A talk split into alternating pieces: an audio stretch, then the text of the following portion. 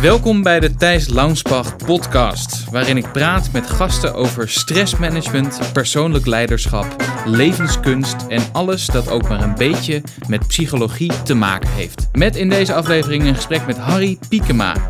En Harry Piekema kent u ongetwijfeld als acteur in theater en in films. Ehm, en vooruit ook in dat ene spotje van die supermarktketen. Maar wat u misschien niet weet is dat Harry ook uh, spreker is en trainer. En met hem heb ik een gesprek over communicatie, over communicatiestijlen en over de beweging van het denken. Ik denk altijd voor het beeld naar buiten is dat mensen mij van een aantal dingen heel goed kennen. Dus als ik in de publiciteit kom of als ik iets doe, zoals die reclamecampagne. En dan blijft het beeld, uh, hè, mensen kijken van ja, dat is die man. Uh, en het enige wat je kan doen dan, je moet nooit tegen oude beelden strijden. Je moet nieuwe beelden neerzetten. Mhm. En dus laat ik mezelf op allerlei vlakken zien. Ja, ik ben trainer. Ja, ik spreek over uh, wat ik denk dat zinnige dingen zijn. Um, en ik speel rollen. En uh, ja, dat doe ik allemaal naast elkaar. Hm. En hoe, hoe zijn die rollen anders van elkaar? Nou, uitvoerend is wel wat anders. Dus als je moet spelen, um, ja, dan duik je in één onderwerp en je bent gelijk bezig van ja, hoe moet ik dat nou uitdrukken? Wat, hoe kan ik dit instrument wat ik ben gebruiken om deze rol uit te drukken of deze boodschap in dit stuk uh, of deze kant uh, van een zaak in een stuk uh, vorm te geven? Ja, dan, dat is de acteursrol. Is dat? dat is de acteursrol. En um, als je een lezing geeft, ben je ook wel bezig met van ja, dit is wat ik wil vertellen. Hoe moet ik dat nou zo goed mogelijk laten zien? Maar je bent niet bezig met jezelf in een andere rol te zetten. Dan is veel meer de focus van nou, hoe kan ik, zoals ik ben, dat nu het beste naar voren brengen. En uh, ja, dat, dat vraagt hele andere dingen. Het is ook veel bloter. En als ik een liedje sta te zingen, is het weer anders. Ik hou heel erg veel van um, de uitdaging om op het moment zelf te kijken van nou, wat moet er nu van mij naar voren komen. Hm. Zonder dat je dan iets gaat spelen. Eigenlijk is het bij het acteren ook zo. Hm. Het acteren ben je ook bezig van welke kant van mij, welk, welk vaartje moet ik tappen om deze kant van mij te laten zien, om die rol duidelijk te maken. Ik moet niet uh, doen alsof ik iemand ben. En aan de andere kant ben je ook altijd bezig met vormgeven en te zeggen: oké, okay, met timing en met allemaal technische zaken. En dat, ja. dat, vind ik wel grappig dat je dat zegt, want voor een leek is dat natuurlijk wel. Um, ik heb altijd gedacht, een acteur natuurlijk wel doet alsof hij iemand, iets, iemand is die die niet is. Ja, maar dat kan je ook zeggen van een zanger. Mm -hmm.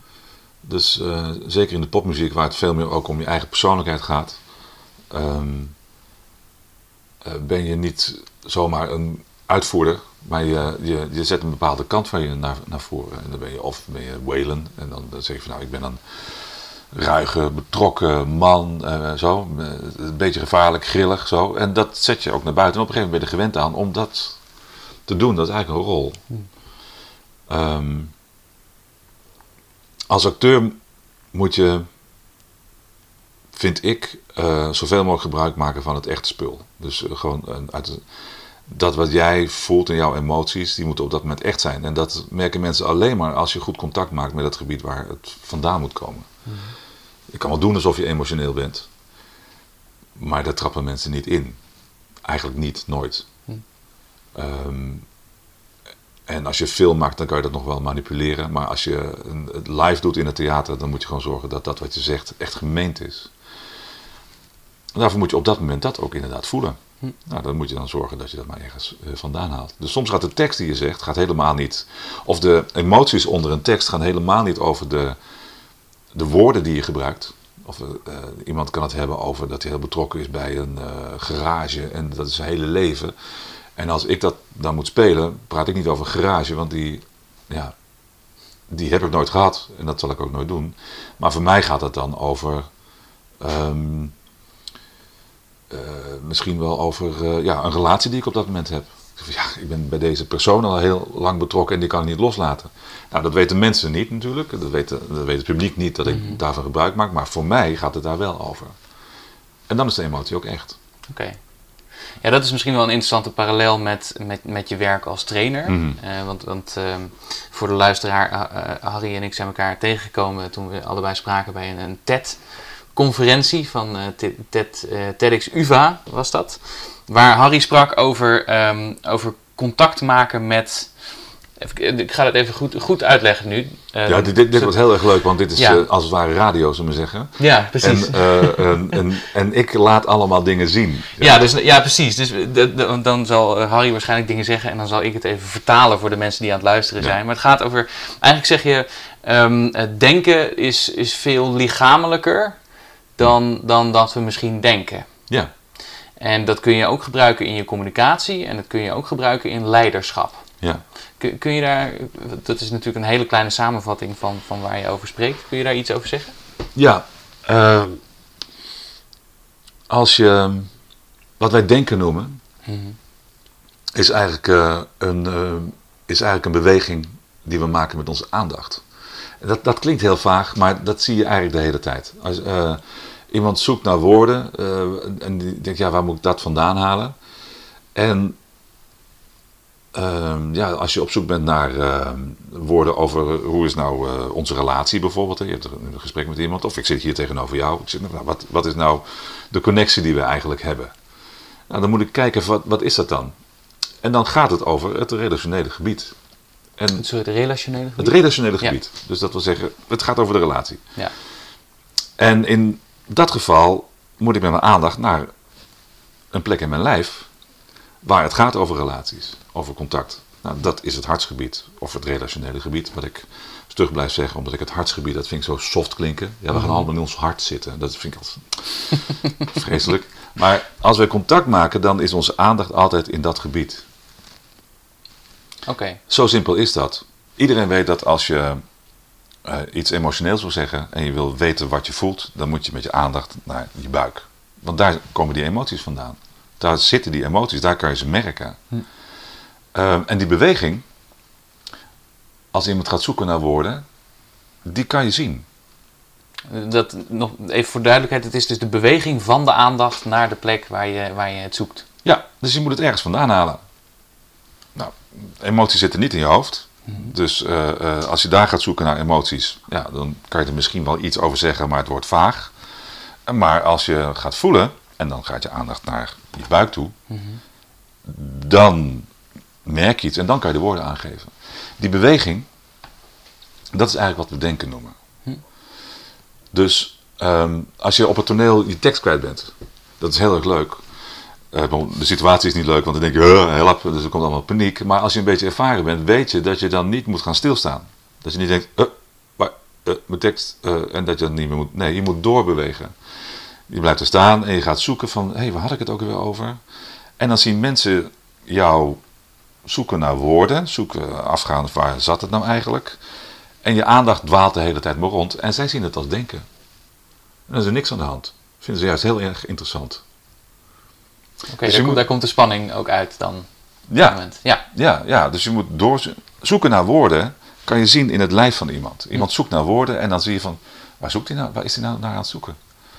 En dat zoeken, dat zie je in beweging. Je aandacht verplaatst zich. Ging dit nou over iets wat ik voelde? Of ging dit nou over iets, wat- moet ik hier iets zeggen? Of wil ik hier iets? Eh, ehm, en je snapt, ik, bedoel, ik zit nu tegen jou te vertellen en, eh, en ik zit dat allemaal te doen. En dat hoor je, als je luistert zie je dat natuurlijk niet. Maar zoeken naar woorden is een beweging van, de, eh, beweging van de aandacht. En eigenlijk wat wij normaal denken noemen en wat wij in ons hoofd doen, is ehm, we gaan de feiten langs. Eh, want in je hoofd zitten feiten en ideeën en concepten en eh, fantasieën en eh, relativering en humor. Dat zit allemaal in je hoofd. Daar, daar gebeurt dat. En wij zeggen dan, denken is nadenken. Is in je hoofd dingen tegenover elkaar zetten, analyses maken en zo. Dat is waar, dat is één vorm van denken. Maar als je kijkt naar als mensen nadenken, dan gaan ze verschillende gebieden in hun lijf af. En die beweging, als je die kan eh, laten toestaan en mensen, dan, maken, dan maakt je gehoor die beweging mee. Die doet hetzelfde. dat snap ik niet helemaal. Nee. Ehm, mensen zijn niet communicerende vaten, maar ehm, als ik jou iets ga uitleggen wat eh, in mijn hoofd zit, een theorie, zoals op dit moment, Mhm. en jij luistert naar mij, en je bent vrij ontspannen, maar je zit gewoon te luisteren, dan zit mijn aandacht in mijn hoofd. Jouw aandacht zit ook in je hoofd. En op het moment dat ik ga praten van, hé hey, Thijs, het contact wat we hebben, ik ben met je gaan praten omdat ik interessant vond wat je zei, hoofd, maar ik vind je ook een leuk persoon. Ik voel een klik. Op dat moment zakt mijn aandacht naar het hartsgebied of het relationele gebied. Mhm. En dat doet het bij jou ook. En dat kun je heel makkelijk merken. Dus je gehoor meekrijgen is eh, openlijk laten zien waar je aandacht heen gaat. Die snap ik nog steeds niet helemaal. Het, dat gaat dus over hoe, hoe, hoe ik dan de boodschap ontvang. Eigenlijk, hè? Of, ik, of ik meehoor waar jouw aandacht naar uitgaat op dat moment. Ja, kijk, als jij heel erg gespannen zou zijn Mhm. en eh, alleen maar je aandacht in je hoofd hebt omdat je je onveilig voelt of, eh, of anderszins, dan beweeg jij niet met mij mee. Oké. Maar als je gewoon ontspannen bent en een normaal publiek is doorgaans ontspannen, gaat hij mee met de aandachtsverplaatsing die ik doe. Dus eh, bijvoorbeeld als ik, eh, ik heb wel eens een training gedaan bij, bij advocaten. En ehm, dan laat ik ze zien van jongens, kijk, dit is informatie die komt uit mijn hoofd. Eh, merk je het? Als jullie naar me luisteren, zitten jullie ook met je aandacht in je hoofd. Helemaal prima. Zo. En als ik het dan ergens anders over wil gaan hebben, en ik ga met mijn aandacht naar het emotionele gebied, dan gaan zij met hun aandacht ook naar een emotionele gebied. En dan vlak voordat ze daar zijn, dus merk ik, of als ze er, dan, dan raken ze even aan en dan komt er een grap. Hm. Omdat ze merken, oh, nu kom ik in een gebied waar ik anders nooit ben, als ik met deze mensen hier eh, om een tafel zit. En dan komt er een grap, want dan willen ze daar niet heen. Oh, dan maken ze zelf een grap om, de spanning te, te laten wegvloeien. Ja. Dus ehm, het werkt dus twee kanten op. Op het moment dat ik eh, eh, de luisteraar brengt zijn aandacht naar dat gedeelte in het lijf waar ik mijn aandacht heb. Hm. En dat is heel natuurlijk. Dat doen we altijd. En dat doen we eigenlijk de hele dag. Alleen omdat eh, we niet gewend zijn om de aandacht als een instrument te zien. Als, als iets wat we gebruiken om te, om, om te focussen. En omdat dat, zullen we zeggen, ehm, een bepaalde gevoeligheid eh, eh, vraagt om dat te merken. Ja, daardoor kijken we daar een beetje raar tegenaan. Maar we doen het de hele dag. Hm. Het is ook de manier waarop wij merken dat eh, mensen niet congruent zijn in hun lichaamstaal en in hun woorden. Ehm, kun je daar een voorbeeld van geven? ja, ehm, bijvoorbeeld eh, ehm, als iemand, ik zeg altijd, je moet je, je moet je wil gebruiken, het wilsgebied gebruiken. En dat is de plexus solaris, dat zit net onder de bor- borstkas, Mhm. bovenkant, de maag ongeveer. Eh, dat moet je gebruiken voor salarisonderhandelingen. Want daar moet je duidelijk kunnen zeggen, luister, ik vind dat ik dat en dat moet verdienen. En als je het wilsgebied gebruikt, dan wordt dat neergezet. En dan snapt iemand wat je wil. Oké. Maar als je Dus de wil is, het- is de solaris plexus. ja, salaris plexus. Ehm, maar als je dat emotioneel zegt, omdat je vindt dat, je, dat jou iets is aangedaan, dat iemand je niet goed beoordeeld heeft of zo, dat. En je zegt dat emotioneel, je zegt, eh, ja, ik vind echt dat ik eh, meer salaris moet krijgen.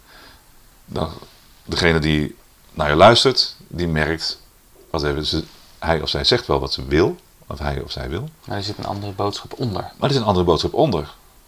En dat merkt die luisteraar of je gesprekspartner, omdat hij merkt van, ja wacht even, je, je zegt wil, maar je zit in het emotionele gebied. En het gesprek gaat, gaat daarna, als het een slimme on- onderhandelaar is, die vraagt dan, nou maar wat, ga- wat gaat er dan mis? En dan wordt het een emotioneel gesprek. Ja.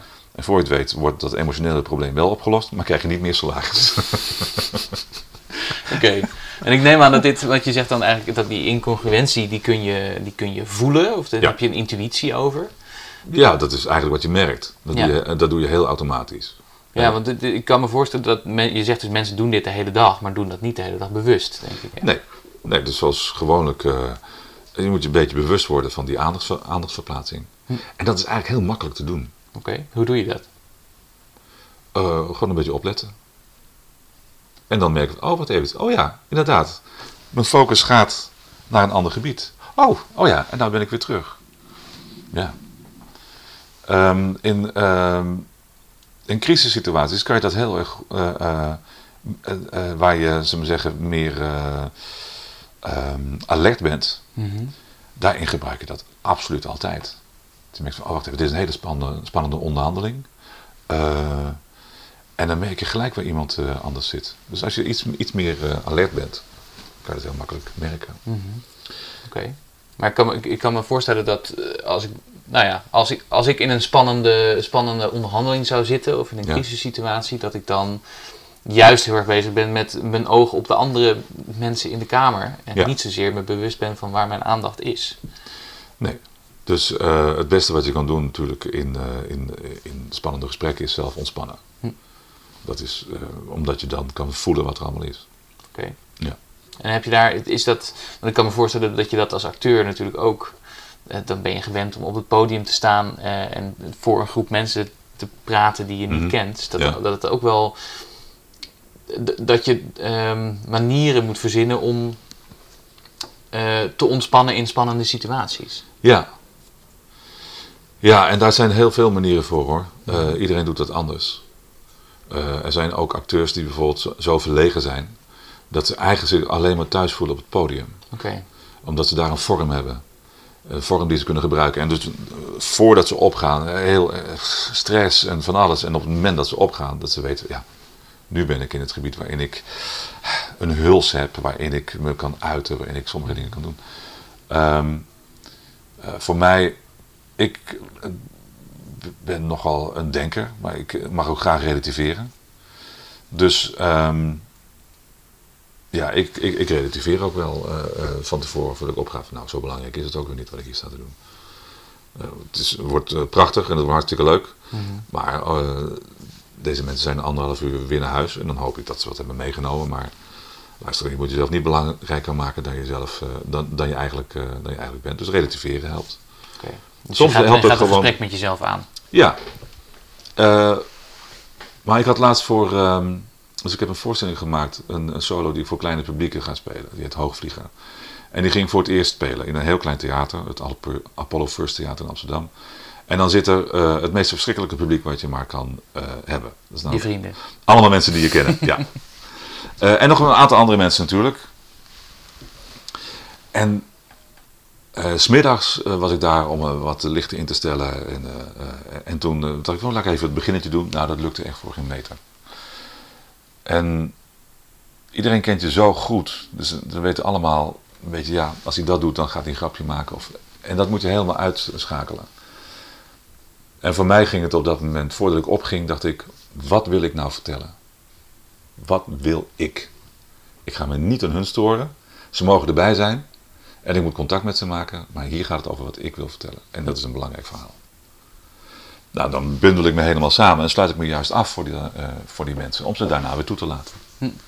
Ja, maar dat is ook wel interessant. Daar wilde ik nog even naartoe. Omdat je dat vertelde ook in die presentatie. Over dat we gewend zijn om veel in contact te staan met de mensen met wie we praten. Maar dat Mhm. jij zegt, je mag ook, het is best gerechtvaardigd om je af en toe ook even af te sluiten in een gesprek. Om Ja. even je aandacht te verleggen naar waar het naartoe moet. Ja. Ja, daar zitten twee kanten aan. Eén is, eh, inclusiviteit is tegenwoordig een heel groot, eh, eh, belangrijk ding. Dus als je leiding geeft aan een team of je moet mensen, hoe noem je het, inclusiveren. je moet mensen erbij halen. Ja, Het moet inclusief zijn. En dat betekent dat je heel veel mensen alsmaar contact ziet maken. Alsmaar met hun aandacht naar buiten. Altijd maar eh, om andere mensen het gevoel te geven dat ze erbij horen. voor de, voor de luisteraar, Harry is onder, eh, ondertussen aan het gesticuleren. Ja. Als in mensen kom erbij met, Ja. zijn, met zijn armen naar zich toe. Ja, Eh, en zoals je ziet, dat doe je dan niet zo. Je, je- handen zitten niet ter hoogte van je hoofd en zeg je mensen kom erbij, mensen kom erbij. Dat is een hele rare boodschap. Want als iemand dat doet, zegt hij, wat zegt hij nou eigenlijk? Maar automatisch zeg je jongens, eh, kom erbij. En je beweegt je handen ter hoogte van het borstgebied, het hartsgebied, Het, het relatiegebied. het relatiegebied. Ja. Dat, is, dat is wat je doet. En tegenwoordig is dat een soort ijs geworden. Maar mensen vinden het eigenlijk. A, of er zijn twee dingen. A, als je dat de hele tijd doet, word je heel erg moe. Want je bent, leg je aandacht steeds meer naar buiten. En ehm, twee is dat je zelf minder helder wordt. Dus, en mensen vinden het fijn om andere mensen te zien nadenken. Als jij mij iets vraagt en ik blijf de hele tijd maar zo als een soort ober naar je kijken en ik probeer eh, zo goed mogelijk je, eh, antwoord aan jou te geven. Ja, dan ben ik gedienstig en ik ben dienstbaar en ik ben aardig, maar ik kom niet echt tot de kern. Terwijl als het echt een goede vraag is, dan moet ik mezelf gaan afvragen. En dan blijf ik niet naar jou kijken. Want dan moet ik, zoals we zeggen, bij mijzelf te raden. Mhm. nou, en wat is bij jezelf te raden gaan? Dat is kijken van nou, waar gaat dit over? Ja, en dan gaat mijn aandacht naar eh, hele andere gebieden. Zodat ik mezelf een beetje kan verzamelen. Dan kan ik zeggen van luister, volgens mij gaat het hierover. En dan kan ik bij je terugkomen. Hm. En wat mensen vaak zichzelf niet toestaan, is om even het contact met de ander te verbreken. En te zeggen, oké, eh, ik ben nu even niet met jou bezig, ik ben even met mezelf bezig. En je moet weten dat mensen dat vaak heel interessant vinden. Dan denk van, oh wacht even, hij gaat echt antwoord geven. Hm. Hij gaat echt even zoeken bij zichzelf. En dan komt hij terug. Dus inclusief leiderschap, daar zit een, daar zit een valkuil in. Mhm. Namelijk dat je jezelf uitlevert aan eh, het gevoel van we horen allemaal bij elkaar. En dat je dat steeds maar weer faciliteert. En mensen die echt iets te zeggen hebben, die gaan even met hun aandacht naar hunzelf en komen dan terug met iets. Hm. Nou, dat is, een, eh, eh, dat is iets waar ik, waar, ik vaak op, eh, waar ik vaak op wijs.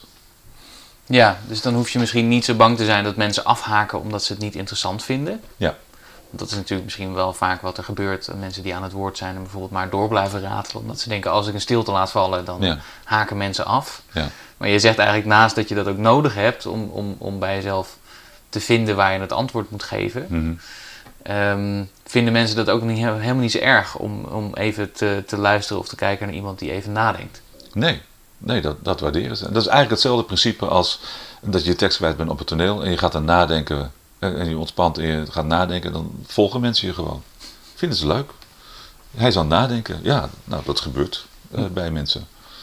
En ehm, zoeken naar antwoorden, echt zoeken naar antwoorden, is heel interessant om te zien. Hm. En je ziet het ook aan, aan grote sprekers. Eh, sprekers die echt, ehm, echt iets te zeggen hebben of echt mensen raken, die zijn altijd heel erg gecentreerd. Kun je een voorbeeld geven? Ehm, ja, nou, een heel bekend voorbeeld is eh, Obama. Mhm. Heel ontspannen lijf. Heel cool. Die ook altijd even nadenkt. Die eventjes denkt van, oh, dat is een goede vraag. Eh, en dat doet het maar heel kort, hè. Het is een seconde, of het is twee seconden. Want de aandacht is namelijk een instrument wat heel snel gaat. Mhm.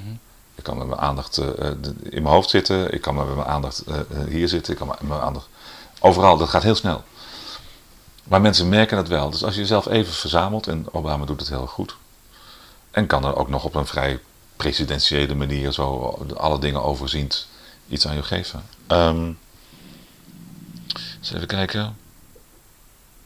Een heel ander voorbeeld, Anouk. De zangeres Anouk. De zangeres Anouk. Ehm, wat zo prettig aan haar is, en naast die, want ik kijk wel eens de The Voice, en naast die andere eh, coaches, totaal geen bullshit. Ze zit gewoon te luisteren en laat zien wat het is. En bij haar weet je ook altijd, nou, ik kan iets hards te horen krijgen of iets eh, eh, kritisch, maar ook oprechte betrokkenheid. Hm. Dus die zie je altijd heel erg ehm, oprecht zijn met alle dingen die erbij horen. Want zo, zo zeker is ze helemaal niet van zichzelf. Dat laat ze ook vaak zien in de interviews en zo. Ehm, dat, vind ik dus, dat vind ik prettige mensen om naar te kijken. Goede sprekers. Hm. Ja, het blijft natuurlijk de, de iconen. Eh, eh, kijk, Steve Jobs was een goede spreker. Terwijl het een hele, eigenlijk een hele op zichzelf gerichte man was. Maar was wel een goede spreker. Hij wist waar hij het over had. En ging alleen daarover praten. Ehm, Mandela, heel sterk. Waarbij iedereen dacht van het is een, het is een hele op compassie gerichte visie die hij heeft. Mhm. En, eh, eh, maar hij staat er wel. Dus heel erg gegrond. Hm. Ja, dat, dat, zijn, dat zijn hele mooie voorbeelden. Oké. En het is niet zo moeilijk om die voorbeelden ook inderdaad na te volgen. Hoe doe je dat dan? Hoe spreek je als Mandela bijvoorbeeld? Nou, door wel wat voorwerk te doen. Dus ehm, eh, door je af te vragen: oké, kan ik degene die tegenover mij zit en die een totaal ander standpunt heeft dan ik, echt tegenstrijdig, ook tegenstrijdig met mijn belangen, kan ik die laten zien dat ik hem wil begrijpen? Ik wil begrijpen waar het over gaat. En kan ik hem daarmee bijvoorbeeld niet dus, uitnodigen om die de strijd aan te gaan, maar om een uitwisseling van ideeën te hebben. Hm. Nou, dat kan heel goed. Door jezelf voor de mensen die tegenover je zitten open te stellen. En te luisteren naar wat hij te zeggen heeft, ook al vind je dat niet leuk. Hm. Nou, dat openstellen kan. En in, en in mijn termen is dan van, oké, kijk, je kan met iemand een, eh, eh, je kan eh, op het relationele gebied of het ha- hartsgebied, je kan we zeggen, je hartje helemaal openzetten, zullen we zeggen, even zo, om het maar even zo te zeggen. Ehm, eh, en iemand een- helemaal beschikbaar voor zijn. Maar je kan ook beleefd blijven. Hm. Wat wil zeggen dat je het hartsgebied een beetje sluit. Het is in Engeland heel erg gewoon. Waarderen ze fantastisch. Stif appellip. Stif appellip, nee, maar niet alleen stif appellip, wat te maken heeft met dat ze hun emoties binnenhouden. Mhm. Maar dat als ze je zien, zeggen ze, how do you do? It's very nice. Welcome. Ze zijn niet van, hey, hoe is het? En eh, kom binnen. Weet je wel, die grote beweging maken ze niet. Maar ze doen, how do you do? Very nice to see you.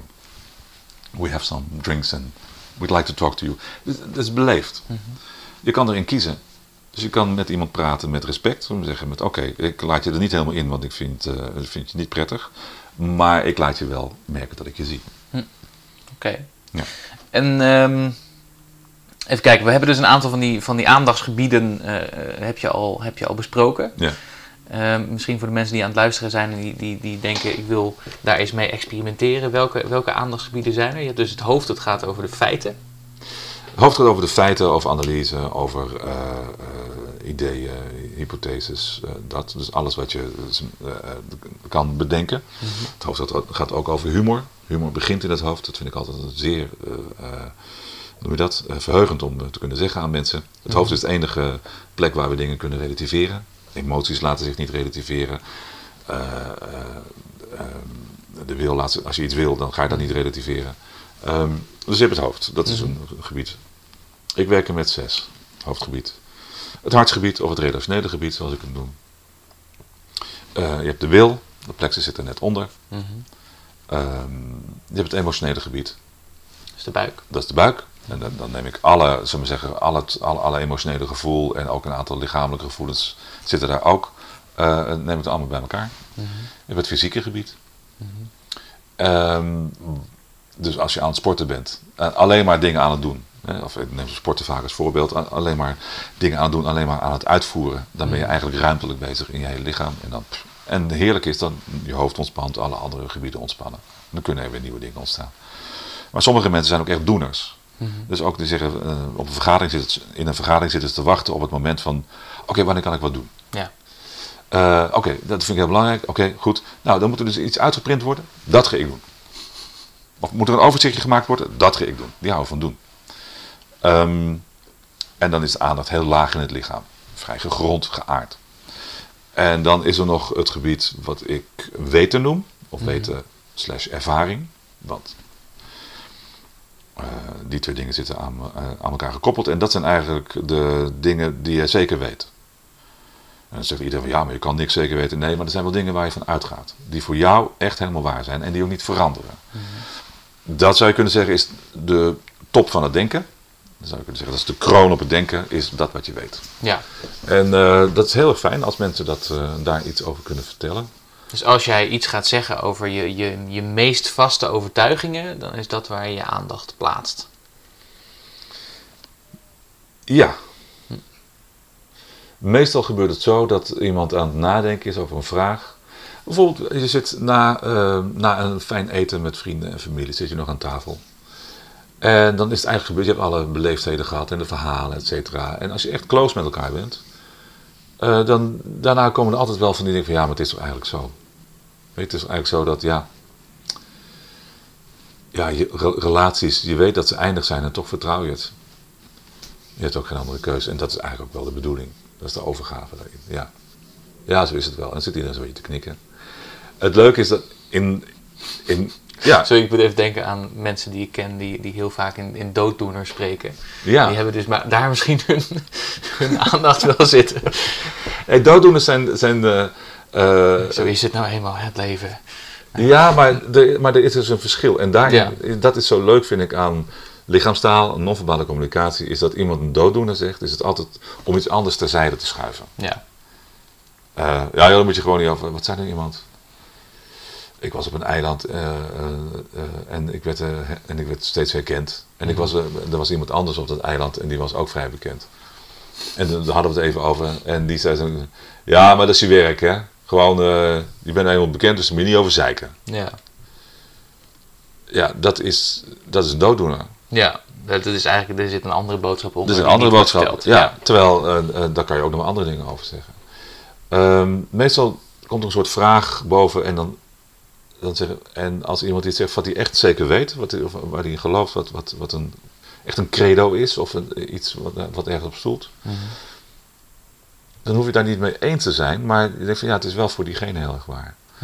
En een kenmerk daarvan is dat diegene niet aan het denken is. Want als iemand aan het denken is en zegt van, ik weet dat het zus, ik weet dat het zo is, ik weet, dit weet ik. Zo, zegt iemand, ja, maar niks anders is zeker. En dan krijg je en dan zie je ook die rimpels in, het- in het voorhoofd. Terwijl als iemand iets vertelt van, ja, maar kijk, zo is het. Dan is dat gezicht helemaal ontspannen. Dus dat is het verschil tussen, tussen iets waar je nog een beetje over twijfelt, of wat, wat een actief denkproces is, en Ja. een, iets wat je gewoon weet. Ja, wat je weet, wat uitgekristalliseerd is. En je van, Ja. oké, dit is echt mijn ervaring. Eh, het, het spreekwoord is, wie is er wijs? Hij of zij die de ervaring heeft, is wijs. Het is niet alleen maar dat je in principe weet wat waarschijnlijk wel klopt. Nee, je hebt het geleefd, uitgeprobeerd. En daar de voor- en de nadelen van ondervonden. Hm. Dan kan je er iets over zeggen. Oké. Hey, en die, in die trainingen die je geeft, bijvoorbeeld aan advocaten of aan die, aan die vier mensen van vorige Mhm. week, wat, wat, wat geef jij dan hierover mee aan die mensen? Ehm, in eerste instantie leg ik gewoon uit hoe het werkt. ik ben wat dat betreft ook vrij praktisch. Ja, jongens, als je iets wil zeggen over, je voelt, moet, eh, over hoe je voelt, moet je je aandacht niet in je hoofd hebben. Dat klopt, hè? Oké. Nou, je wil iets zeggen over wat je voelt. Wil je dan je aandacht nu even in het emotionele gebied eh, brengen? Huh? Zeg je dat? Ja, gewoon je moet je aandacht even laten zakken en even... Hoe is het nou met je? Wat voel je nou? Oh, oh, oké. Oh, ja. Nou, dan komt er een beetje gestotter en gedingen. Tot het iemand ah, oké. Oh, eh, ja, eigenlijk, eigenlijk ben ik kwaad. Hm. Ah, zeg ik, nou, nu ben je met je aandacht naar het emotionele gebied geweest. Je bent kwaad, kan je iets over zeggen? Nou, laten we eens even exploreren wat dat dan is. Ja. En dat is eigenlijk heel instrumenteel. Is dat wat, je, wat jij de, de beweging van het denken noemt dan? Dat is de beweging van denken, ja. Ja. ja. Dus wij zien de aandachtsbeweging, en dat noemen wij nadenken. Iemand denkt diep na, dan is hij met zijn aandacht helemaal naar beneden geweest. Ehm, of iemand denkt oppervlakkig na. Mhm. Ik heb een heel snel antwoord. Hoe is het met je? Ja, goed. Dat komt uit het hoofd, dan weet je van, nou, ik heb niet zo over nagedacht. Ja. Hoe is het met je? Ja, ehm, ja. Nee, over het algemeen, ja. Vind ik wel goed. Ja. Nou, dan heb je al gezien dat die aandacht naar een paar plekken gaat. Ehm, dus ik leg eigenlijk heel instrumenteel uit hoe dat nou eigenlijk werkt. En terwijl ik dat doe, komen we op een aantal vragen. Komen we vragen van, oh, wacht even, ik kom daar eigenlijk nooit. Hm. Eh, ik vraag ook altijd de mensen, wat is nou je favoriete gebied? Ben je een denker? Vind je dat, eh, eh, is dat je favoriete plek? En ehm, eh, tegen die mensen zeg ik altijd, het is fantastisch, hè? je mag met je, hoofd, met je aandacht gewoon lekker in je hoofd zitten. dat is een heerlijke plek namelijk om te zijn. en dat is een grote opluchting vaak voor mensen, want er wordt tegenwoordig zoveel nadruk gelegd op dat, zeg maar zeggen, de kern van mensen, dat dat eigenlijk emotie of passie of iets anders is. In plaats van dat mensen gewoon denkende wezens en zich daar thuis voelen. En zeggen, nee, ik ben een denker. Leuk man. Hm. Leuk om met mijn aandacht in mijn hoofd te zitten. En van daaruit dan ergens anders heen te gaan. Maar. En als mensen dat zeggen van nee, ik ben eigenlijk. Eigenlijk ben ik altijd bezig met, met relaties. Wat betekent wat ik doe voor de relaties die ik heb? En levert dat iets op voor ons gezamenlijk? Nou, hartstikke mooi. Dan kom, ben je daar. Is dat het gebied waar jij geïnspireerd wordt? Of emotionele mensen. Ja, ik ga pas iets doen als het goed voelt. Oh ja. En dan kunnen we het hebben over dat het emotionele gebied niet alleen maar iets is wat ons dwars zit of wat emoties nou eenmaal geeft, maar dat het ook informatie geeft. Hm. Dat je het ook gebruikt om na te denken over ik werk met een groep mensen en laat ik nu eens nadenken over hoe het echt met ze gaat. In voorbereiding op een evaluatiegesprek of een functioneringsgesprek. Dus denkt van, hoe zou degene zich voelen? Daar krijg je informatie over. Ja, dus eigenlijk zit dat er nog voor de vraag: ehm, waar wil ik het over hebben met deze persoon? Of hè, op, welk gebied eh, wil ik informatie hebben of wil ik, wil ik communiceren met deze persoon? Ja, Dat, is, dat, is, dat zou je als een soort bewuste extra stap ja. voor zo'n gesprek kunnen inbouwen voor Ja, jezelf. dus dat als je je, iemand, nadenkt. ja, als je met iemand een gesprek gaat hebben, kan je van tevoren nadenken over oké, wat, wat, welke richting wil ik nou opgaan. Ja. En ehm, ja, als je met iemand een gesprek wil hebben over hoe hij of zij zich voelt, en daar, dat wil je echt weten, Mhm. dan moet je dan natuurlijk vragen. Het beste wat je dan kan doen, is je aandacht zelf naar het emotionele gebied te brengen. Niet dat je emotioneel hoeft te worden, maar dat je daarop afgestemd bent. Oké, dus je En kunt dan- dat ook faciliteren bij iemand anders door Ja. zelf je aandacht bij dat gebied te leggen. Ja, ja, dus als ik nu met jou zo'n zo'n zo'n zo'n gesprek wil hebben, dan, eh, vraag ik aan, dan vraag ik niet aan je: hé, hey, Thijs, hoe is het ermee? Wat een hoofdvraag is, en dat kan iedereen eigenlijk ook wel horen. Mhm. Maar, eh Thijs, hoe is het ermee? Ja, het is dezelfde vragen voor de luisteraars, maar op Zelf- een hele andere manier En gesteld. je doet een ander beroep op iemand. Ja. En, en het is niet alleen een beroep, maar als je met iemand vertrouwd bent en je plaatst jouw aandacht in het emotionele gebied, zo noem ik dat nou eenmaal, Mhm. dan zal die ander dat ook doen. En dan merkt hij, oh wacht even, het is een andere vraag. Dus als je dat niet doet en je gaat allemaal van, nou, eh, die gaat allemaal structureel of eh, eh, procedurele dingen zeggen. Het is de bedoeling dat we in dit gesprek ook een beetje toekomen aan hoe we ons nou eigenlijk voelen. En dat we dat kunnen uitwisselen, zodat er straks andere stappen genomen kunnen worden. Want ik denk dat je daar gelukkiger van wordt. Bla. Dat kan je allemaal wel doen. Ja. Maar dat is allemaal voorbereiding voor, voordat je uiteindelijk gaat zeggen: Oké, dus nu, hoe voel je je? Want volgens mij, en dan kan je er ook iets over zeggen. Ja. Ja, ik, ik moet denken aan. eh, ik, was, ik was naar de radio aan het luisteren vanochtend en er was er een discussie. Ehm, ik weet niet eens meer precies waar het, over, waar het over ging, maar het was een discussie waaruit. Ik, ik, ik merkte bij de mensen die spraken dat iemand een, een- aantal argumenten aan het geven was. Wat eigenlijk schijnargumenten waren, Mhm. maar wat soort gelegenheidsargumenten waren. Ja. Dus dat is, is dat misschien ook een beetje wat je bedoelt. Dat is dan dus een, een boodschap die eigenlijk ergens anders ligt, maar dan verhuld met het denken of het, het hoofd, de hoofdaandacht, zeg maar. ja, als je niet echt wil zeggen waar het over gaat, dan krijg je ja, schijnbewegingen. Ja. En, en eh, dan krijg je formuleringen die je veel vaker gehoord hebt. Formuleringen die ook niet origineel zijn. Ja. Dingen die herhaald worden. Eh, ehm, en dat kan je heel erg goed horen aan mensen. Ehm, Maar ja, ik moet, moet toch denken aan de, aan de, aan de Zwarte Piet discussie bijvoorbeeld. Mhm. Eh, heb je dat natuurlijk heel sterk. Dezelfde frases die de hele tijd langskomen. En ook een gevoel van... Er zit, de boosheid of de woede zit ergens anders dan waar de argumenten waar men mee komt eh, zich lijken af te spelen. Dat is mijn gevoel wel eens. ja, het is vaak ook andersom. Mensen geven argumenten. Terwijl ze het niet hebben over. eh, die zijn niet zo helder. Nee. Omdat ze overvleugeld worden door een emotie. Ja. Die meestal heel erg anders vandaan komt. En waar ze dan ook terecht op worden aangesproken. Mhm. Van ja, u bent te emotioneel, waar gaat dit eigenlijk over? Ja. Want, eh, hoe kunnen we nou een heldere discussie hebben? Eh, ik wil best horen van die, eh, van die emoties en wat dat, wat dat aan ten grondslag ligt, maar dan moeten we gaan kijken hoe gaan we dit nou doen. Ja. En als je weigert om, dat, om, die, om die stap te zetten, maar alleen maar je emotie blijft ventileren, ja, dan is de discussie niet, eigenlijk niet meer te voeren. Hm. Van beide kanten hè, is dat. En zou- Eh. zou je dan ook zeggen, goed leiderschap, dat is dus het vermogen om op, de, op, de juiste, op het juiste niveau te communiceren op, de, op het juiste moment? Ja, zonder dat je een chameleon wordt. Ja. Dus, even kijken of het, ja, zonder dat je, dat je je altijd maar gaat aanpassen aan de situatie. Je moet een soort kern hebben waarin je, van, waarvanuit je praat. Kijk, er zijn eh, mensen die, zullen we zeggen, alleen maar een aandacht in hun hoofd hebben en denken.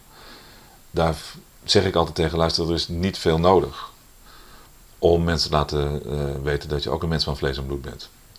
Het enige wat je moet doen is af en toe even iets zeggen over welke emotie jou beroert of drijft. Of, en dat vraagt maar twee seconden. Hm.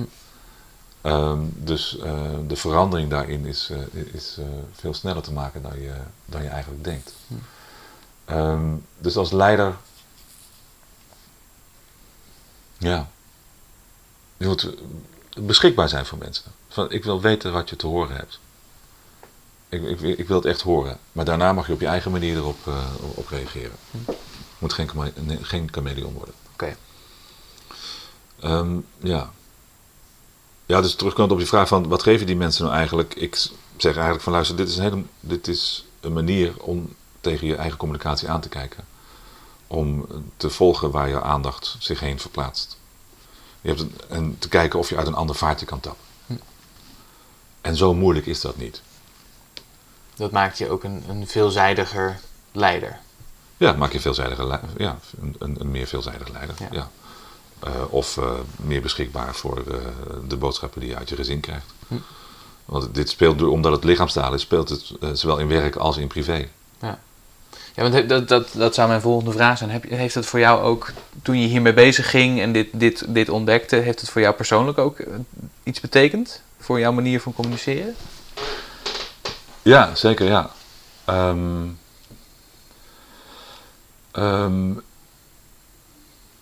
de weg waarop ik dit heb vormgegeven, deze, dit, soort trainingen, deze lezingen die ik geef, eh, is natuurlijk wel veel langer. Het zijn elementen uit mijn leven, of dingen die ik geleerd heb, die ik bij elkaar, ge- eh, bij elkaar gezet heb. Ehm, voor mijzelf is ehm, eh, aardig zijn was een, was een ding.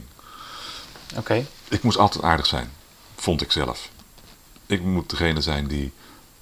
Ik ben degene die verantwoordelijk is voor, voor het goede contact. En ik moet dat open houden. Zo. Dus ik moet iedere keer die brug slaan tussen mij en die ander, terwijl die soms helemaal niet te maken was. Mhm. Nou, dat heb ik heel lang gedaan, want eh, dat was mijn, eenmaal mijn, mijn zelfbeeld. Ehm, en bovendien eh, was ik ook nog eh, in die hele reclamecampagne een hele aardige man. die steeds maar naar mensen keek. Ja. hallo, hallo. Eh, nou, eh, en ik merkte dat dat privé ook speelde. Ik kon dat goed. We zeggen, in die Mhm. rol kan ik dat goed eh, vormgeven. Nou, dat is een rol. Maar ik deed dat ook privé altijd. Ja. En dat heb ik op een gegeven moment geleerd ook eh, om te denken, oké, dat hoeft niet altijd. En bij sommige mensen moet het gewoon absoluut niet doen. En moet ik er iets tussen zetten. Denk. Want wat, wat gebeurt er dan? Nou, ehm, omdat je je dan gewoon te veel uitlevert. En het heeft ook gewoon met, met je houding te maken. Gewoon, mijn, mijn schouders stonden de hele tijd een beetje naar voren. Ik kreeg gewoon last van, van die twee zenuwknopen, eh, eh, die, die slijmbeursdingen. Weet je wel. Ik dacht, van, waar komt dat nou vandaan? Ja, dat komt steeds naar voren stond. Omdat ik steeds toegenegen was naar mensen. En toen ging ik nadenken, ja, waar komt die toegenegenheid dan eigenlijk vandaan? Oh, oké, ik ben aan het pleasen. En ik ben het andere tegemoet aan het komen.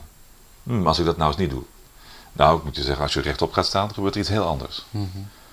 En zo'n groot verschil is dat niet, weet je. Dit of dit. Dit, zijn maar, dit is, wat is dit, 5 centimeter? Op het moment dat je rechtop gaat staan, krijg je een totaal andere communicatie met, eh, met mensen. Kan je wel aardig zijn. Dat kan ook. Kan rechtop staan en aardig zijn. Dat kan heel goed. Ehm, en dat zijpelt wel door in je leven natuurlijk. Mhm. Dus voor een deel zou je kunnen zeggen, is, als ik dit uitleg aan mensen, is het ook een weg van buiten naar binnen. Zo laat ik dat nou eens proberen om eh, rechtop te gaan staan of om geen contact te maken. Dat zijn gewoon dingen die je kan doen. En dan kijken, wat doet dat met me? En tegelijkertijd werk ik aan het inzicht. En wat betekent dat nou eigenlijk?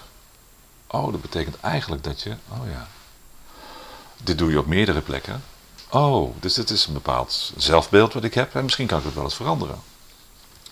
Ehm, dus ik ben iets meer afstand gaan houden tot, eh, tot mensen. Ik zit het nu uit te leggen in een, in een podcast.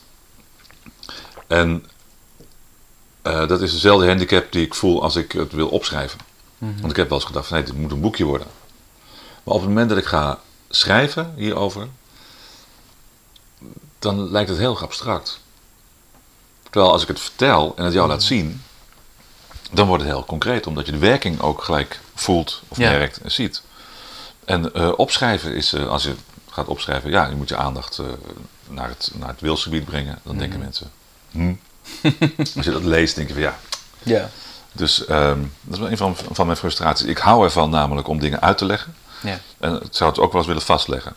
Maar dat zit er op dit moment niet in. Nee, we gaan, we gaan het merken, want mensen deze podcast luisteren en denken... oh, ik snap het eigenlijk wel heel goed wat, wat Harry Ja. bedoelt. Wat ik me kan voorstellen, omdat je natuurlijk ook al een hele hoop doet met je, je stemklank. En Ja. het eh, volume en de... Dat, dat, dat, is, dat is heel erg interessant. Ja. Want veel mensen zeggen het ook van ja, maar eh, je kan er ook met je stem werken. Ja, je kan met je stem werken. Maar je stem verandert op het moment dat je je aandacht naar een ander gedeelte van je lichaam brengt. Ja. Dat gaat automatisch. Dus ik, ik denk dat, dat, men- dat mensen dat, die naar deze podcast luisteren dat wel inmiddels hebben gehoord. Ja. Maar, maar als mensen luisteren en denken, ik snap er echt geen fluit van. Eh, laat het dan ook even, even weten. Ja, stuur, zeker. stuur een mailtje, dan weten we dat ook.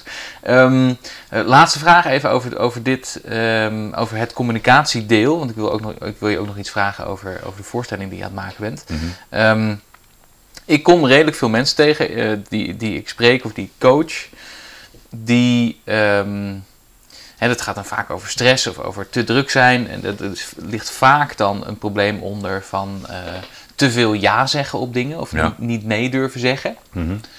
Eh, en dat heeft dan ook vaak te maken, eh, hoor ik vaak terug, met ehm, jezelf wel voornemen om nee te zeggen op bijvoorbeeld een vraag naar extra werk. Kun je dit ook even doen? En dan Ja. denk ik, van, nou, de- de volgende keer ga ik nee zeggen.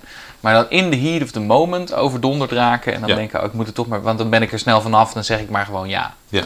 Kun je, heb je, kun je daar nog een, een tip voor geven? Zeker. Ehm, in de training die ik doe komen eigenlijk twee. er kom- komt één gebied altijd naar voren wat mensen heel erg prettig vinden. En dat is het wilsgebied. Ja. En zei wils, jij, dat is de solar plexus dus. solar plexus, ja, en je wijst nu iets te hoog, want het is, het is lager dan je denkt. Dus on, het is onder, onder de borstkas. Oh ja, het is onder de borstkast. Ja, dus het onder zit de eigenlijk bij dat knoopje daar. Ja, Ja, precies. precies. ja. Oké, dat daar heeft u verder als luisteraar niks aan, maar Nee. ik weet waar die zit. Ja. En ehm, als je dat inzet, eh, dat, di- dit is het enige gebied waar je een grens mee kan trekken. Hm. Het hoofd kan geen grens trekken. Je kan informatie en argumenten aan mensen geven, maar dan blijven ze met je discussiëren. En er kan altijd een gesprek plaatsvinden. Pas als je zegt van, nee maar zo is het. En je dat neerzet, dan maak je gebruik van het wilsgebied. En dan voelen ze, oh wacht even, hier is een grens. Ja, oké. en eh, op het moment dat je dus heel faciliterend bezig bent naar andere mensen toe, of eh, je bent, wat een hele lelijke uitdrukking is, faciliterend naar andere mensen toe, dat is vreselijk. maar als je voor andere mensen faciliteert en steeds maar contact met ze houdt, en je eigenlijk schuldig voelt als je dat niet doet, dan ben je eigenlijk de hele tijd bezig met contact met ze te houden. Terwijl wat je op dat moment zou moeten doen, is met de aandacht naar het wilsgebied gaan. Oké, En dan zeggen, en dan een zin beginnen die met ik begint en met wil. Ik wil je best tegemoet komen, want dat ben ik ook gewend. Dat vind ik leuk, namelijk. Maar wat ik nu nodig heb, is wat meer ruimte. Hm. Nou, dit klinkt nog vrij technisch, maar als je ik wil dat eigenlijk niet doen. Nou, dan heb je een grens neergezet. De verplaatsing van de aandacht naar dat gebied is makkelijk om te doen en je moet er even aan wennen. Maar als je daar al heel even de tijd voor neemt om je aandacht daarheen te brengen, dan ben je al niet meer bezig met contact maken en die anderen te, anderen tegemoet te komen. ja, dus als jij in een gesprek zit waarin je merkt dat je, ondanks dat je een, gesprek, een grens wilde trekken, heel erg aan het discussiëren bent, Ja, dan zit je waarschijnlijk te communiceren met je hoofd, ja. terwijl je daar niet de grens trekt. Nee, daar, daar trek je geen grens. Het enige gebied waar wij een, dat wij kunnen gebruiken om echt een grens in te zetten, dat is het wilsgebied. En daar zijn mensen dus ook waanzinnig geïnteresseerd in Ja. een- een- een- tijdens een training. En het is een heel. Het heeft niet te maken. Het heeft niet, niets te maken met macht. Dat moet altijd even losgekoppeld worden. Eh, het laten weten wat je wil en dat naar voren te zetten, is laten zien dat je een gezond ego hebt wat gren- grenzen heeft. Hm. En eh, een gezond ego is heel erg prettig. Wordt altijd, als ik dat zeg, zeggen mensen, "Huh, eh, maar je mag toch niet egoïstisch zijn? Nee, nee, daar gaat het niet over. Maar ge- gewoon je eigen ruimte neerzetten. Zeg van, nou, dit is wat ik wil. Ja. Ehm, beginnen met ik, beginnen met wil. Ja, dit gaat, je kan er ook naartoe praten. Zeg van, oh ja, dat, is- maar dit gaat ook eigenlijk over wat ik wil. Of eh, ja, wat jij wil is dat, maar. Dus zodra je over wil begint te praten, gaat je aandacht ook daarheen. Ja. Dus ehm, sommige woorden roepen ook op dat je naar een bepaald gebied gaat. Ja, een beetje misschien ook wat jij vertelde over, en dat is misschien dan wel een mooi bruggetje naar je voorstelling, Mhm. over dat je, wat jij doet voor een voorstelling. En dat, is de, dat gaat dus over de vraag, wat wil ik? Ja. Wat wil ik dat er aankomt? Ja. En wat is daarvoor nodig? Ja. En dat, dat, dat dwingt je eigenlijk al, nou dwingen is misschien een, een, een te heftig woord, maar dat nodigt al uit om met je aandacht naar dat wilsgebied te gaan. Ja, je focust. Ja. Je krijgt een hele andere focus. Oké. Dus eigenlijk zou je kunnen zeggen, de aandacht is dat instrument waarmee wij focussen. Ja. Je focus ergens naartoe brengen. Dat is, wat, dat, dat is eigenlijk... eh, ehm, en ik vind daarom ook aandachtig zijn... heeft voor mij een hele andere betekenis. Hm. Sommige mensen denken van aandachtig zijn, dat is dan eh, alles voelen of alles... Nee, aandachtig zijn is... Ga eens na waar dat, waar je iets over te zeggen hebt, waar is dat in je lijf? Dus aandacht gaat niet zozeer over naar buiten toe, maar gaat ook Nee. naar binnen toe. Ja, in eerste instantie wel, ja. Ja. En ehm, eh, de wilgebruik is heel cool. Hè? Dus je ziet in, in films eh, helden, die gebruiken allemaal het wilsgebied. Mhm. En die zijn cool. Helden, heldinnen. Ze zijn cool, omdat ze laten zien wat ze willen. Ja. En dat is een heel elegant instrument. Je hebt maar heel weinig voor nodig. Is dat ook wat je zou zeggen, charisma? Charisma is eigenlijk dat wat ontstaat op het moment dat jij ehm, dicht genoeg bij jezelf blijft en ook naar andere mensen iets kan zeggen. Ja. Dan ontstaat er iets van, wow, dan krijg je een uitstraling. Ehm, het is ook authenticiteit. En er zijn heel veel verschillende vormen van charisma. Sommige mensen zijn heel erg interessant en zijn heel erg introvert. Maar zijn heel charismatisch. Sommige mensen zijn heel erg denkend. Bijvoorbeeld Robert Dijkgraaf. Eh, de bekende wetenschapper die in, in Amerika eh, eh, zo'n groot instituut leidt. En die vaak op tv is. Het is een hele charismatische man. Maar het is niet een groot ego. Een aardige man die heel, veel te- heel enthousiast is over wat hij weet en de vragen die er zijn. Ja. Nou, dat is heel wat anders dan Bill Clinton. Die een soort overweldigende, overweldigende van kom maar bij mij, I know your pain. Dat, wat Ja. een soort, eigenlijk een soort teddybeer is. Met een, met een stevige kern. Dus er zijn verschillende vormen van charisma, maar het heeft wel te maken met dat je authentiek durft te zijn. Terwijl je met andere mensen praat. Mooi. Ja. Dan toch, daar heb ik net even mijn bruggetje gemist, maar Ja. dan gaan we toch nog naar, het, naar, naar, ehm, Ja. eh, naar waar ik het ook even met je over wil hebben, namelijk je volgende voorstelling.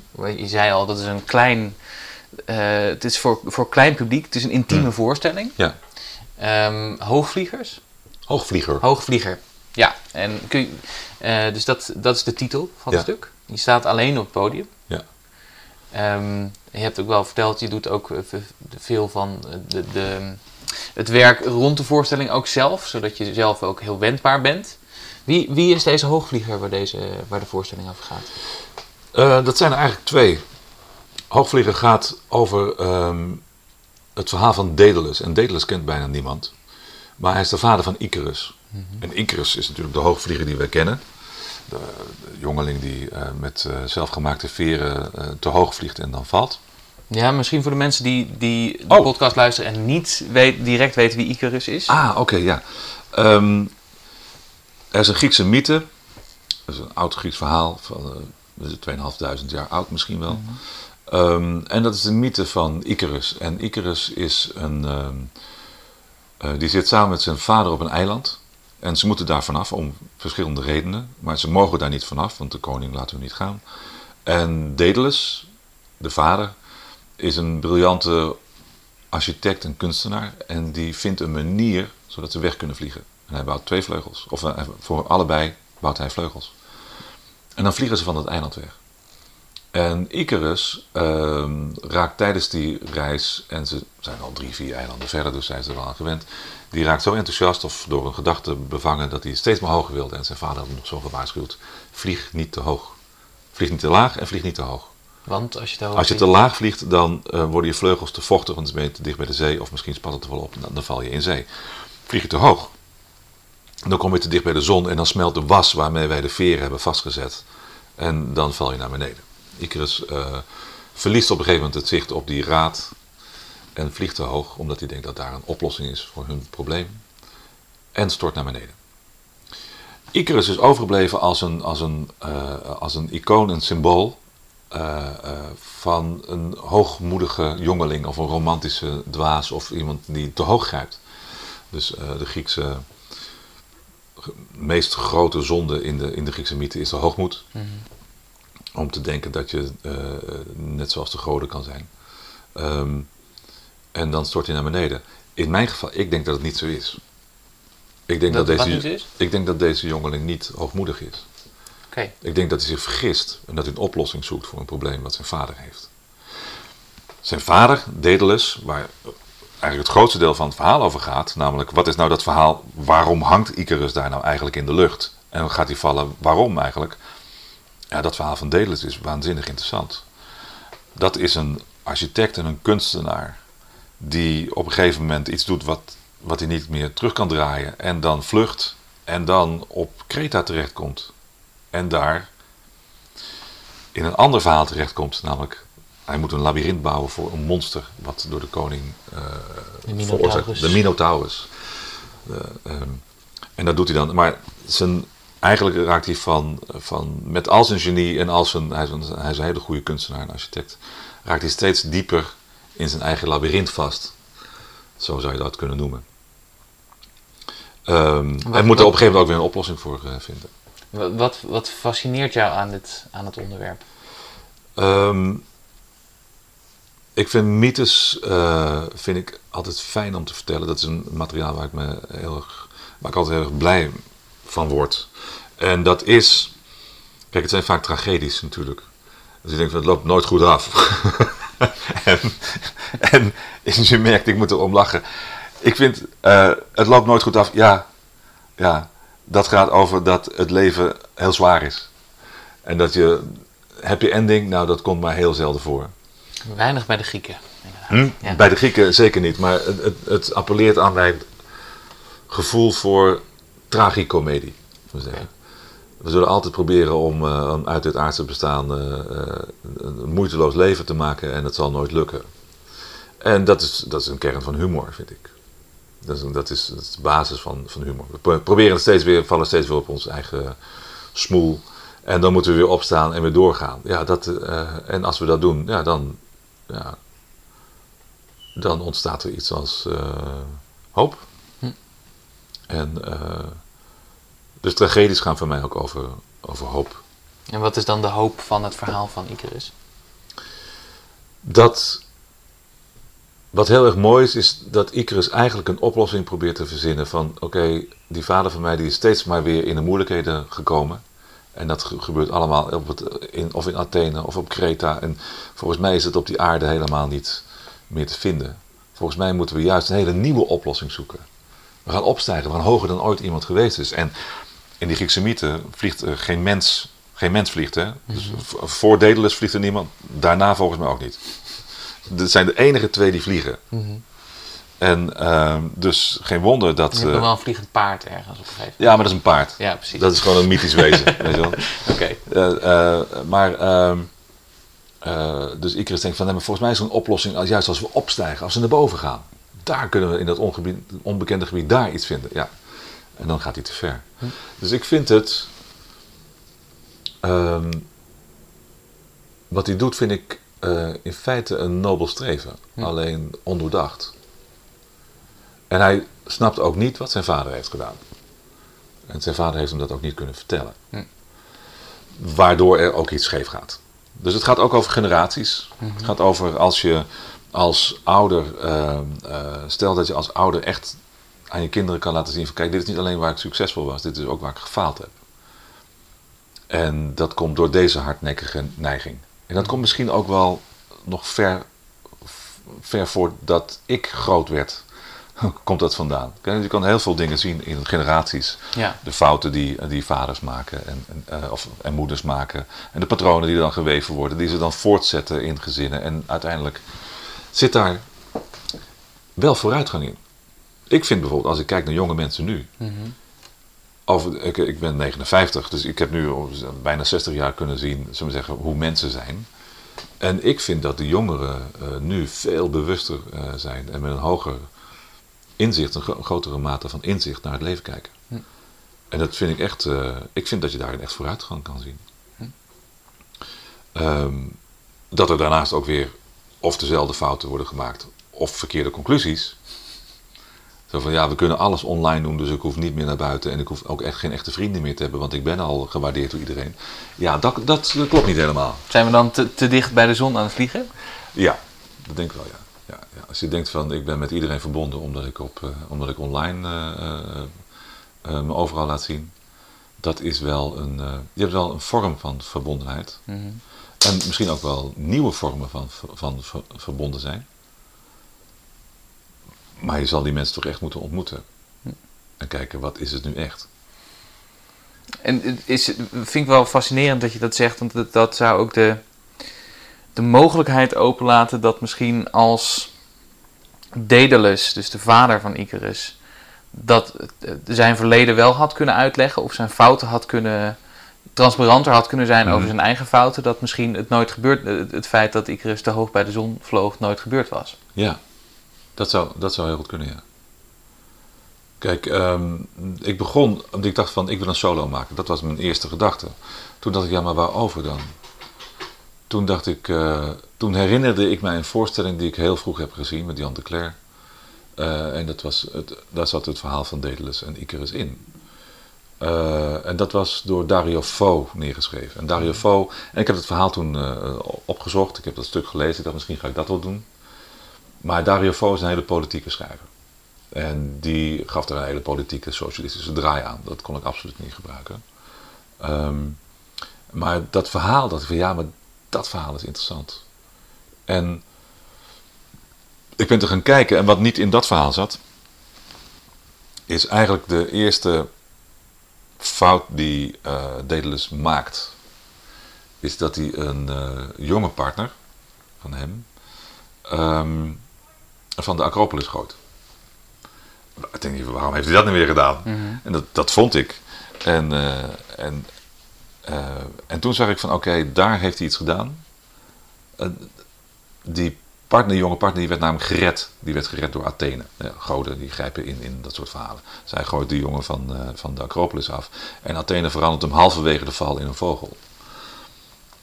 Maar ze kan ook niet alles. Dus hij wordt een vogel die niet te hoog en niet te laag vliegt. Een patrijs. En hij, vliegt, hij kan niet hoog vliegen. Dat komt door zijn angst om te vallen. Mm -hmm. door die val. En dan kan ook niet te laag vliegen, want dan zou die iedere keer opgegeten worden door de roofdieren die uh, dan te pakken Een hele interessante echo zit hier in, in het verhaal. Dit, dit is een hele Toen ik dat on, ontdekte, ja. toen dacht ik van, wacht eventjes. Dat is waarom hij weet dat je kan vliegen. Ja. Hij heeft die overgang van mens naar vogel gezien. Ah, en wat nou als die, dat heeft hij nooit aan zijn zoon verteld, dat hij dat gedaan heeft, daar schaamt hij zich voor. Wat nou als hij dat aan zijn zoon had verteld? Misschien had zijn zoon dan wat realistischer geweest. En gedacht, oké, zelfs mijn vader moet het op deze aarde, terwijl hij een briljante, was echt een briljante, een, echt een genie, die zelfs moet uh, worstelen met dit aardse bestaan. Oké, dan is het misschien de bedoeling. Nou, maar zoals het eh, gaat, um, um, kijk, je kan natuurlijk ook uh, van Adam en Eva zeggen, wat ook een andere mythe is. Mm -hmm. uh, kan je zeggen van ja, hadden ze maar nooit van die appel gegeten. Ja, maar daar gaat het verhaal niet over. Het verhaal gaat erover dat we dat steeds weer doen. Ja. en dat we daardoor in de problemen komen. Of afscheid nemen van een bestaan wat, wat leuker was. Eh, in deze termen nadenken over mythes. Mm-hmm. En die ook gewoon concreet maken, vind ik heel erg leuk. En, um, en, en, het is ook heel rijk vertellend materiaal. En het gaat dus om, het gaat er dan om. Kijk, ik vind het leuk omdat het, het gaat, je zou kunnen zeggen, het gaat ook over millennials en over deze generatie.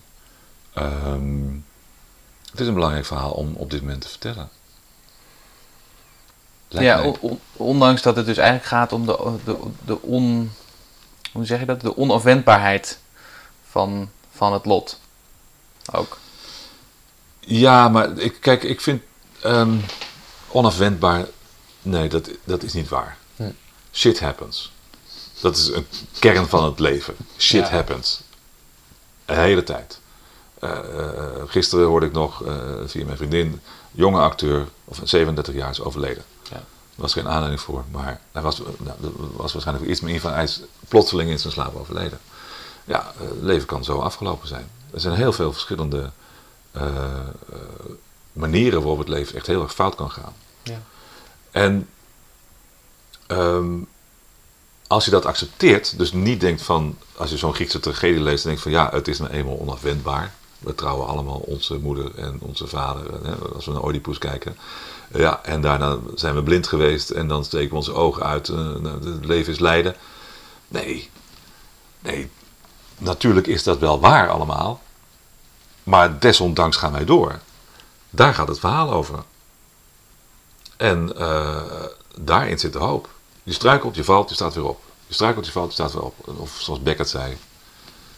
eh what do you do when Try, you... try eh, ever fail. Ja, try, fail, try again, better. beter. Ja. Weet je, dat is een, eh, eh, en daar zit humor in. Kijk naar de serie House. Mhm. Eh, er waren t-shirts, Everybody Lies. Wat een zeer zwartgallige, misantropische kijk op het leven is of op mensen is. Maar als je het als zo beschouwt van iedereen liegt, dan ga je daarna kijken, oké, en wat gaan we daar dan mee doen? Daar kan dan iets heel leuks uitkomen. Dus in de, in de tragiek zit ook de hoop verstopt. Ja, tragiek en comedie zijn heel erg met elkaar verbonden. Kijk, iedereen accepteert eigenlijk wel dat, dat, eh, dat komiek kan niet zonder tragedie. Komiek zonder tragedie is flauw. Als er niet echt een probleem zit achter een komisch personage, waardoor, je, waardoor die steeds weer dingen probeert en waardoor het ook steeds weer mislukt en zo. eh, eh, daar, moet een, daar moet een grond achter zitten. Daar moet een tragisch, eh, tragische kant aan zitten. En dan snappen we ook waarom die dat doet. En dan vergeven we het hem of haar ook. Minder goed wordt geaccepteerd dat tragedie ook niet zonder komedie kan. Tragedie zonder komedie is loodzwaar en niet te verteren. Ja. Je zou ook kunnen zeggen tragedie zonder inzicht. Daarom zit Is er altijd in, bij Shakespeare altijd comic relief. Ook van één of de andere personages. Ja, dan krijg je twee doodgravers die eh, iets over de relativiteit eh, van, eh, van het leven zeggen. En, maar ook in de teksten zelf. Kijk, inzicht een- is ook een bepaalde manier van relativeren. Inzicht, en dat speelt zich af in het hoofd. Tragedie, gevoelens en eh, alles van ik zou die moeten doodmaken of ik moet dit of ik hou zoveel van haar. En dan kan niet bij, dan komen dat wat helemaal zit helemaal in jezelf. En ondertussen zit er inzicht in.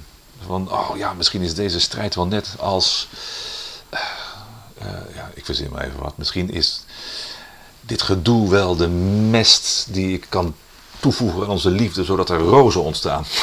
wat natuurlijk de onzin is. Maar Shakespeare had het gedacht kunnen hebben. Ja, dat is waar. Snap je? Om, Ja. maar zeggen, potgrond en stront te verbinden met, met rozen. Ja. Zo, ehm, dat, wordt, dat, dat wordt minder goed eh, eh, eh, geaccepteerd door mensen, dat tragedie ook niet zonder inzicht kan. Behalve op begrafenissen, want dan moeten we altijd lachen. Dat zijn, Ja. Die zijn altijd leuk. Ik, volgens mij zijn we weer helemaal terug, want dat gaat ook weer over een beweging van het denken en het voelen Ja. en, en het, het inzicht. Dat betekent dat we, denk ik, aan het eind zijn gekomen van een gesprek over de beweging van het denken en over, over eh, spreken met aandacht en over Icarus en over de hoop in de tragedie. Hoogvlieger, waar, waar kunnen we nog zien? Hoogvlieger eh, is een voorstelling die langzaam verkocht wordt op eh, zeldzame plekken, dus wees er snel bij. Oké, 7 en 8 februari in Theater Branul in Den. Haag. 65 plaatsen. oké. Heel gezellig. En waarschijnlijk daarna ook nog wel, eh, hoe, hoe kunnen mensen op de hoogte blijven van waar die gespeeld gaat worden? Ze kunnen sowieso naar mijn site gaan. Dat is harrypiekema.nl. Nee, .com. Oh, harrypiekema.com. .com. Ja, Ehm, en voor, om deze voorstelling te boeken kan je ook naar huiskamertheater.nl. oké. Dat, is wel eens- dat eh, ga je aan, dat aan elkaar. Kijk, het is een voorstelling die ik sowieso nog een, een tijd wil gaan spelen. En die, eh, ja. Kijk, ik hoef alleen maar mijn pak in te pakken, een paar decorstukjes en in mijn auto kom ik naar u toe. dat is het een beetje. Oké, we zullen ook de informatie over de voorstelling en de, en de links die zojuist genoemd werden even in de beschrijving van deze podcast eh, zetten. Ehm, Harry, onwijs bedankt dat je de tijd wilde maken om, eh, om hierover te praten. Fascinerend gesprek. Ehm, en mensen die, net zoals ik, heel erg benieuwd zijn naar de voorstelling, die, die weten dus waar ze zich naar, naar moeten wenden. Ja. dat is voor het gemak dus even in de beschrijving van deze podcast. Dankjewel. Graag gedaan. Je luisterde naar de Thijs Launsbach podcast. De links, de namen en de informatie uit deze aflevering kun je vinden in de omschrijving. De muziek voor deze podcast werd gecomponeerd door Bart Liebeert en Hugh Blaines. Je kunt je voor deze podcast abonneren, dan krijg je een melding wanneer er weer een aflevering online komt. Dit kan via iTunes, via Spotify, via de andere podcastkanalen of via thijslansbach.nl. En mocht je daar dan toch zijn, schrijf je dan vooral ook in voor mijn nieuwsbrief. Dan hou ik je op de hoogte van alle nieuws rond boeken, columns en podcasts.